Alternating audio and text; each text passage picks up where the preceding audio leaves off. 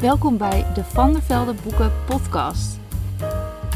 De podcast waarin we je meenemen in de wereld van Van der Velde en waarin we het natuurlijk gaan hebben over boeken. Heel veel boeken.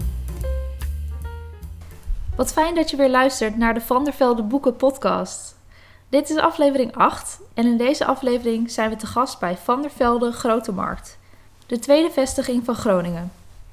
We maken kennis met collega's Ingrid en Koen en zij hebben wel wat heel bijzondere tips voor je. Ze gaan het namelijk hebben over feministische boeken. Van der Velde Grote Markt is een heel mooi vierkant gebouw met uitzicht op, je kunt het al raden, de Grote Markt. En daarnaast de Martini-toren. Een tof detail wat je door de hele winkel heen zult vinden zijn de steunpilaren die eruit zien als bomen, wat in combinatie met de industriële look heel bijzonder is. De bovenverdieping is erg licht door de grote ramen en daar is onder andere een intersectioneel feministische boekentafel te vinden, met boeken over racisme, bijzondere vrouwen en feminisme natuurlijk. Dat ik dit nu zo in het bijzonder benoem, betekent natuurlijk niet dat er niet meer te vinden is in vestiging Grote Markt. Al je favoriete genres zijn er in grote getalen te vinden, dus neem zeker eens een kijkje in het mooie pand. Laten we dan maar snel aan de koffietafel aanschuiven. In deze aflevering komen we erachter welk pamflet door een mannelijke medewerker van het Franse ministerie van Gendergelijkheid bijna is gecensureerd, hoe een vrouw alleen op een Schots eiland zichzelf weer vindt in de natuur en welk boek voor mannen een mooie eerste stap in het feminisme is. Ik zit met Ingrid en uh, ja, kun je wat over jezelf vertellen? Um, ik ben verantwoordelijk voor de afdeling literatuur bij, uh, aan de Grote Markt. Mm -hmm. uh, zowel Nederlands als Engels. En ik ben ook verantwoordelijk voor de kookboeken, de young adult en de social media. De social media, heel belangrijk. Mm -hmm. um, Oké. Okay. En uh, we gaan het vandaag over een paar feministische boeken hebben. Klopt. Um, ja, waar, waarom heb je voor zo'n thema gekozen? Uh, nou, ik was met Koen aan het, aan het uh, brainstormen uh, over de podcast. En ik heb zelf ook een Instagram pagina waar ik een kleine recensie had geschreven over mannen, ik haat ze. En uh, daar begon ik uh, tegen Koen over. En dat vond Koen meteen een uh, heel leuk thema om ook eens een boek over te lezen. Dus zo is het balletje een beetje gaan rollen. Ja, precies. Mm. Oké, okay. ik vind het zelf ook een heel interessant thema. Dus ik lees ook wel veel mm -hmm. boeken van. Inderdaad ook Mannen, ik haat ze. Mm -hmm. um, ja, zullen we maar gewoon daarmee gelijk uh, gaan is beginnen? Goed, is goed. ik bedoel, dat is een intrigerende titel natuurlijk. Het is een heel intrigerende titel, ja. inderdaad. Ook wel wat uh, provocerend, uh, denk ik. Absoluut. Ja. Ik heb zelfs begrepen dat er in Frankrijk een poging is gedaan om het te boycotten.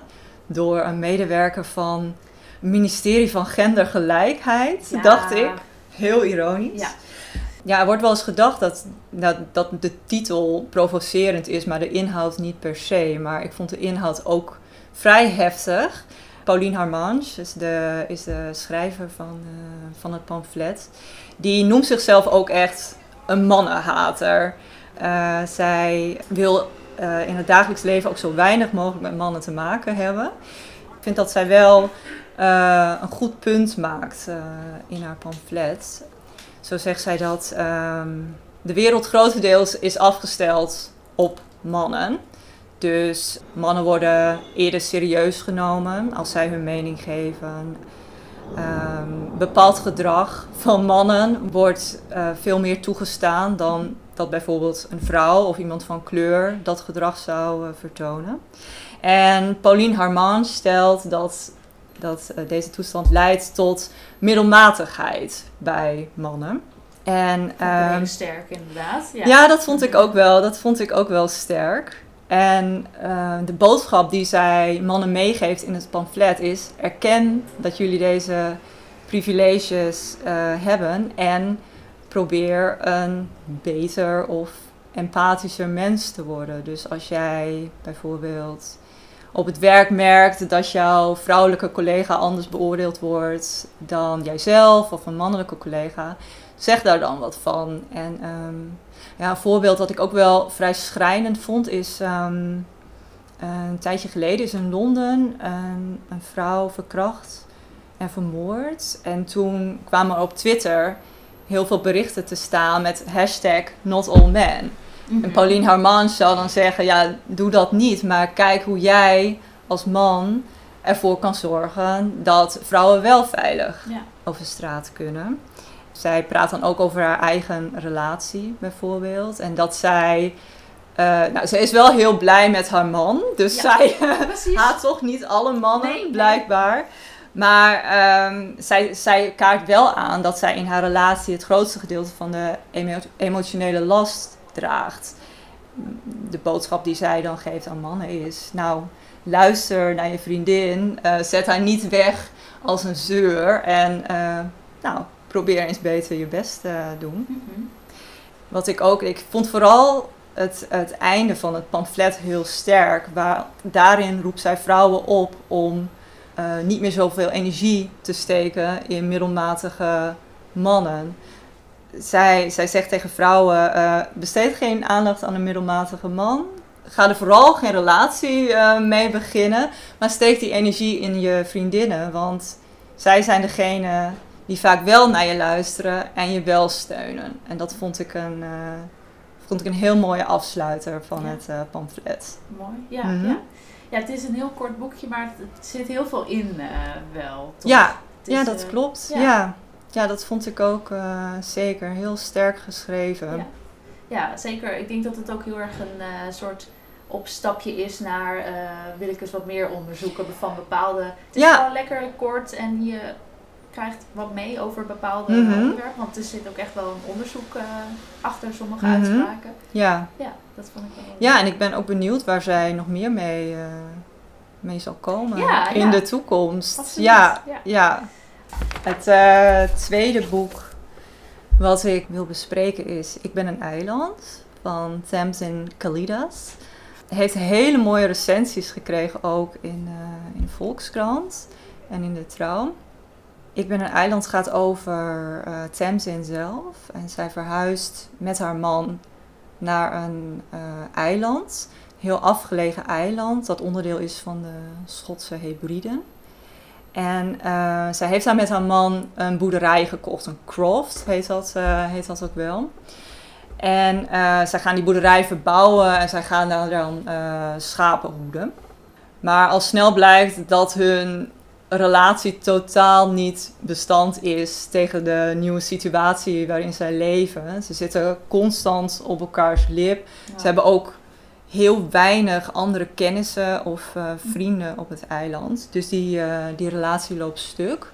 En dan eh, ja, is zij dus een vrouw alleen op een boerderij op een afgelegen Schots eiland. Want hij trekt dus weer terug. Hij, ja, hij trekt weer terug. Hij gaat weer terug naar Londen. mhm.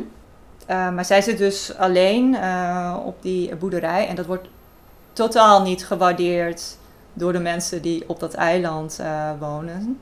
Ze is sowieso al een vreemde eend in, de bijt, omdat ze, omdat ze van het vasteland komt. Mm. Maar nou, een vrouw alleen, Ook nog. dat, nou ja, daar, daar kunnen ze met hun hoofd helemaal niet Mm, bij. Juist. Dus zij raakt, uh, zij raakt volledig geïsoleerd op dat eiland. Um, ze, heeft maar, ja, ze heeft één vriendin daar, maar verder wil niemand wat met haar te maken hebben. En ja, ze, is niet alleen, ze raakt niet alleen geïsoleerd, maar ze wordt ook enorm geïntimideerd. Vooral door de mannen daar, ook door de vrouwen moet ik zeggen, maar vooral door de mannen. Er gebeuren echt vreselijke dingen. Komen mannen komen gewoon ongevraagd haar erf op. Uh, ze dringen s'nachts, als zij aan het slapen is, haar huis binnen, dronken. Heel bizar. Ja, want dit is dus wel gewoon, dit is echt... Uh, dit is echt ja, gebeurd. Dit is, dit is haar memoire. Ja, dit is, uh, Nou, ja, dit is gebeurd. Een thriller. eh, Nou, bijna, ja. bijna wel. Echt doodeng. En uh, ja, ze wordt nog aangevallen door een man als zij nou, toch besluit om naar een dorpsfeest te gaan. Het is, enorm, het is enorm deprimerend om te lezen hoe die mensen daar op haar reageren. Aan de andere kant was het ook een heel inspirerende memoire. Want ondanks al die tegenslag toonde ze toch zoveel kracht en, uh, en overlevingsdrang. En weet zij toch gewoon in haar eentje die boerderij te runnen. wat ik ook heel mooi vond aan het boek is dat, ja, omdat zij dus zo geïsoleerd raakt, zoekt zij haar heil, in de natuur. Bij nou ja, haar eigen dieren, bij haar honden, bij haar uh, schapen, maar ook bij de wilde dieren. En dat, ja, dat beschrijft ze gewoon heel erg poëtisch en daar straalt gewoon zoveel. Zij is zo krachtig en zo uh, vol, uh, vol zelfvertrouwen. En dat, dat haalt ze echt uit haar band met de natuur. Mooi. Dus ja, heel mooi. Heel mooi opgeschreven en heel inspirerend. Ja. Klinkt inderdaad. Ja, ik heb er al veel over gelezen de laatste paar uh, ja. weken. Ja, het is inderdaad een. Uh, ja, het wordt bij ons nu ook heel veel ja. uh, verkocht. In het begin was het een beetje ja. steeds meer. Ja, het moest een beetje, moest een beetje op gang komen, maar het, het intrigeerde mij al meteen enorm, dat boek. Dus ik heb hem meteen gekocht. Oh, dat is goed, ja. Ja, maar nu is het echt een, is het een bestseller geworden, inderdaad. Ja, super. ja het lijkt natuurlijk, of nou in ieder geval qua verhaal, uh, een beetje op het zoutpad. Mm. Dus dat is ook denk ik wel uh, misschien voor de liefhebbers van uh, voor, het zoutpad. Ja, voor de, ja, wel ik, even een ander verhaal, maar in diezelfde sfeer. Ja, het is zeker in dezelfde sfeer. En ja. ik geloof ook inderdaad dat er... Er, sta, er staat van Rainer Win ook een, ook een quote ja. voor op het boek inderdaad. Dus het is zeker voor de liefhebber van het zoutpad. Een hele mooie. Ja, ja zeker. Dit keer geen fun facts. We blijven in het thema feminisme en daarom geven Ingrid en Koen je een aantal extra boekentips. Lekker veel lezen dus.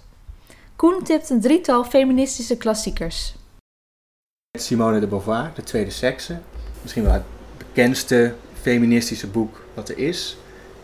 En eigenlijk lijkt het heel erg op Mannen, ik haat ze. Daarnaast uh, Renate Dorenstein, Het Perpetuum Mobile van de Liefde roman, autobiografische roman over haar jeugd. En dan vooral over haar relatie met haar zusje die later zelfmoord pleegt. Ja, en dat is feministisch meer in de zin omdat dat die familie die draait eigenlijk om de vrouwen. Dus het gaat om die zussen die voor die moeder zorgen. En die moeder die is ook duidelijk getekend, hè, omdat, omdat ze eigenlijk niet echt past in de wereld. Omdat dat hè, in die tijd, dat, dat zijn de jaren 50, zo was. En als derde uh, Anja Meulenbelt, De Schaamte voorbij. Ook een biografisch roman. En een kant van het feminisme, wat misschien uh, ook voor mannen af en toe ongemakkelijk is. Het gaat namelijk veel over, over seks en, liefde en relaties en zo. En ook wel overlap met, met mannen ik haat ze, omdat ze eigenlijk... Op een gegeven moment krijgt ze echt een hekel aan mannen. Omdat ze maar niet kan vinden dat er een man voor haar is, zeg maar. Het zijn allemaal is allemaal wat mee en ze begrijpen eigenlijk allemaal niet wat aan de hand is of ze kunnen haar leven niet echt vervullen. Een erg mooi boek, ook voor mannen gewoon leuk om te lezen. Dat waren de klassieke boeken en nu een aantal hedendaagse feministische tips, gegeven door Ingrid. Dolly Alderton, Schimmen. Een grappige, maar ook schrijnende roman over moderne relaties en daten wanneer je de 30 bent gepasseerd. Pat Barker, De stilte van de vrouwen. Een bewerking van de Ilias verteld vanuit het perspectief van de vrouwen wiens levens werden geruïneerd tijdens de Trojaanse oorlog. Madeline Miller, Kirke. Het verhaal van de nimf Kirke, die uit de godenwereld wordt verbannen vanwege hekserij, maar in de vrijheid en de natuur zichzelf vindt. Dan gaan we nu weer door naar het volgende gesprek met Koen. Ik ben Koen, ik ben uh, 27 jaar. Ik werk er nu drie jaar ongeveer, bijna drie jaar denk ik. Ja, en mijn taken hier, ik ben, uh, ik ben op dit moment een manager van alles. Dus dat is vooral uh, op de grote markt hierboven bij de non-fictie en de kunst, natuur, wetenschap. Ja, dus daar hou ik me nu al een beetje mee bezig. Ja. Maar ik sta, ik sta boven, beneden. Ja, Literatuur precies. heb ik ook een keer een zomer onder gehad. Dus ik doe eigenlijk van alles op dit moment. Oh ja, hier. Precies. Ja. Nou, ik denk dat we het maar over boeken moeten gaan hebben. Ja. Want uh, het thema is dus, uh, jullie hadden als thema bedacht uh, feminisme. Ja. ja. En jij dacht, ik ga eens even lekker de andere kant soort van bekijken. Of tenminste, als we dan man-vrouw hebben, dan ga ik even dan. Ja, ja, dat leek me wel interessant. Ja. Nou, nou voor mij is het, is, ik hou me wel bezig met feminisme, maar ik vind het, het is een beetje precair om dat als man te doen of zo. Ik voel me daar ook soms een beetje ongemakkelijk bij als ik in Ja. discussie ga met mensen daarover. Omdat ik denk van ja, ik, wat heb ik, wat kan ik er eigenlijk over zeggen? Want het gaat niet echt om mij. En tegelijkertijd gaat het ook wel om Ook mij. weer wel, ja. Ja. Ja, zeker. Ja. Ja. Nou ja, wat je ook zegt, eh, ik denk dat je als man best wel een, eh, ja, een, een mo- moeilijke positie binnen het feminisme kan vergaren. Als in meer van, is er, wat moet ik doen? Wat, hoe Het voelt mezelf- soms een beetje ongemakkelijk. Ja, precies. Ja. De, de boeken die jij hebt uitgekozen, hebben die er ook bij geholpen? Kun je daar wat over Ja, ik heb dus eh, Het Nut van de Man eh, gelezen van Maarten Huigen. Vond ik ook weer een hele leuke titel. Ja, dat is ook een hele leuke titel. En het, het- het- het- ook, nou, we zullen het er zo meteen wat meer over hebben, denk ik. Maar het is ook echt aangenaam verrast. Het is geschreven door een man, Mhm. een eh, journalist, een oud-journalist van NRC. Dus echt een verslaggever, heel beschouwend. Wat heel fijn is. En hij eh, onderzoekt dus eigenlijk, nou, wat ik net stelde, wat is eigenlijk de rol van de man binnen het feminisme. Ja. En als tegenhanger dus eh, mannen, ik haat ze. Het is natuurlijk ook, nou, een andere invalshoek, maar ook een andere stijl wel. Ja. Het gaat, maar zaten toch wel veel raakvlakken in. Op die manier heb ik het eh, een beetje geprobeerd om te kijken wat dan, ja, hoe, hoe in, in de boeken die we kunnen lezen, hoe die ongemakkelijke rol misschien Ja. een beetje weggespeeld kan worden. ja, grappig. Nou, dus bij mannen, ik ha als je dat als man leest, dat is vrij confronterend Ja, zeg maar. Ik heb het dan toch gelezen. Sommige mannen zijn misschien heel defensief over dit onderwerp of zo. En die kunnen het niet eens lezen. Of die, die Nee. zijn na één pagina, zullen die al boos worden. Maar ik zou toch aanraden om het wel te lezen. En eh, gewoon, ook al moet je een knop omzetten in je hoofd, maar eventjes in ieder geval voor jezelf doen. Alsof Ja. wat zij zegt een soort waarheid is. Weet je, het is, uit- uiteindelijk is het een betoog, een pamflet. Dus het maakt niet zoveel uit. Lees het in ieder geval en, en vel dan je, je oordeel daarover. En zij geeft ook een aantal keer aan dat, dat eh, heeft zij het over de een man. In het he- dat, dat die zich eigenlijk maar moeten schikken en, en eh, stil moeten houden en zo. En dat is dus precies ook een beetje wat ik voel. Behalve misschien tegen mannelijke vrienden van mij. Ja. Weet je wel, daar, daar kan ik soms nog wel in. eh, ik zit in een voetbalteam bijvoorbeeld. En, dan, dan is het voor mij makkelijk om een soort van het feminisme te verdedigen. Hè? En eh, te laten zien Ja. dat. Of mensen proberen te laten inzien dat, dat, dat eh, het leven van een vrouw er, echt heel anders uitziet dan het leven van een man. En veel mannen die hebben, die hebben het idee dat het hè, door, door wetgeving de afgelopen 50 jaar allemaal is opgelost. En misschien is die wetgeving ook allemaal. De wetgeving is misschien ook allemaal opgelost. Nou, in het nut van de man, eerste hoofdstuk, dat is ook een soort korte geschiedenis over verschillende feministische golven en, en de stappen die daarin zijn gezet. En nou, we zitten nu in de vierde golf, geloof ik, sinds MeToo. Ja.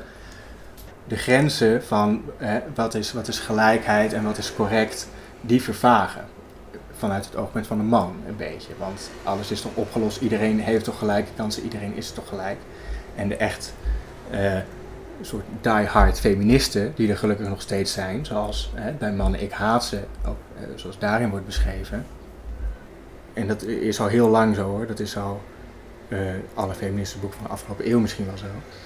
Die zijn heel hard met van, nee, dit, is, hè, dit wordt aangeleerd, dit zit in de samenleving, dus eigenlijk vanaf je geboorte, dus voor, nog voordat je kan praat, eigenlijk word je in rollen gedrukt die er uiteindelijk voor zorgen dat, dat ehm, vrouwen in meer of mindere mate sociaal, cultureel of fysiek onderdrukt worden, om het maar even hard te zeggen. Ja. Juist. Ja. Ja. En het, het mooie van het nut van de man, ik zou ook al mijn mannelijke vrienden die misschien, want heel veel mannen denken hier niet echt over na. Weet je, die weten dat het speelt en die weten bijvoorbeeld dat eh, ongelijke lonen in topfuncties, weet je, die, die weten dat wel en die vinden dat ook allemaal kwalijk. De meeste in ieder geval.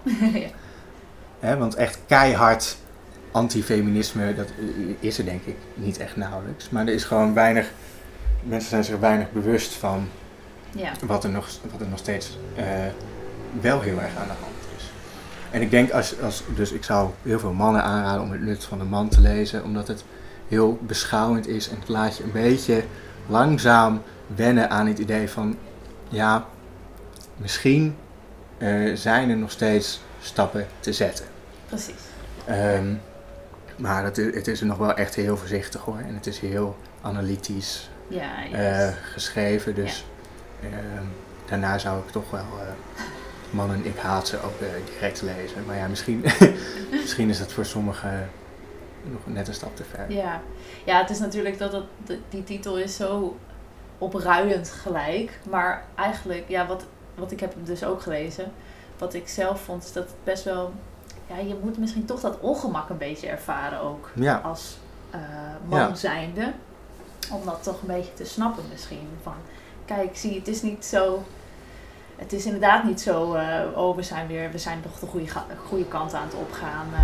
ja. nee, precies. Nee, en het onderschrijft ze ook heel vaak van, hè, omdat het misschien al duizenden jaren gaat zoals het gaat, en het eigenlijk de afgelopen honderd jaar beter gaat op heel veel vlakken. Dat betekent niet dat het, dat het, Dat het normaal is. Ja, of dat het Wat er, wat er met heel, wat er heel veel vrouwen, of wat heel veel mannen vrouwen aandoen, bij wijze van spreken. Hè? Heel veel vrouwen die eh, worden aangeraakt, heel veel vrouwen die worden mishandeld, soms zelfs vermoord, wat veel, wat veel grotere cijfers zijn. Ja. Dat zijn zaken die nog steeds spelen, ook in een soort van eh, rijke, luxe landjes als, Ja. eh, als de onze.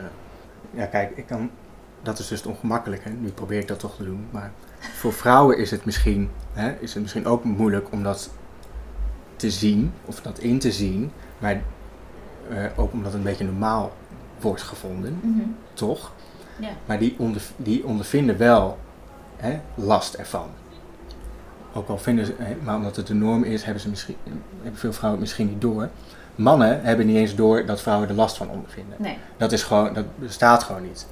Toen ik voor het eerst met een, een vrouw sprak over of ze wel eens in de stad werd aangeraakt of zo. En, dan, dan, en je hoort verhalen, dat, dat, dat, dat is gewoon elke, elke avond. En dan praat je met meer vrouwen. En dan, en, dan, en dan op een gegeven moment hoor je verhalen dat je echt denkt van ja, maar dit is gewoon drogeren, dit is gewoon strafbaar, dit is gewoon aanranding. Maar dat wordt dus heel normaal gevonden. En mannen zijn zich daar helemaal niet van bewust. Nee, nee. Juist omdat het normaal wordt gevonden, denk Ja. ik. Ja. Want dan, ja, dan schuif je dat als vrouw misschien makkelijker weg. En dan komt dat dus ook niet aan de Ja. orde. Nee, Nee, dat is ook precies. zo. Ja.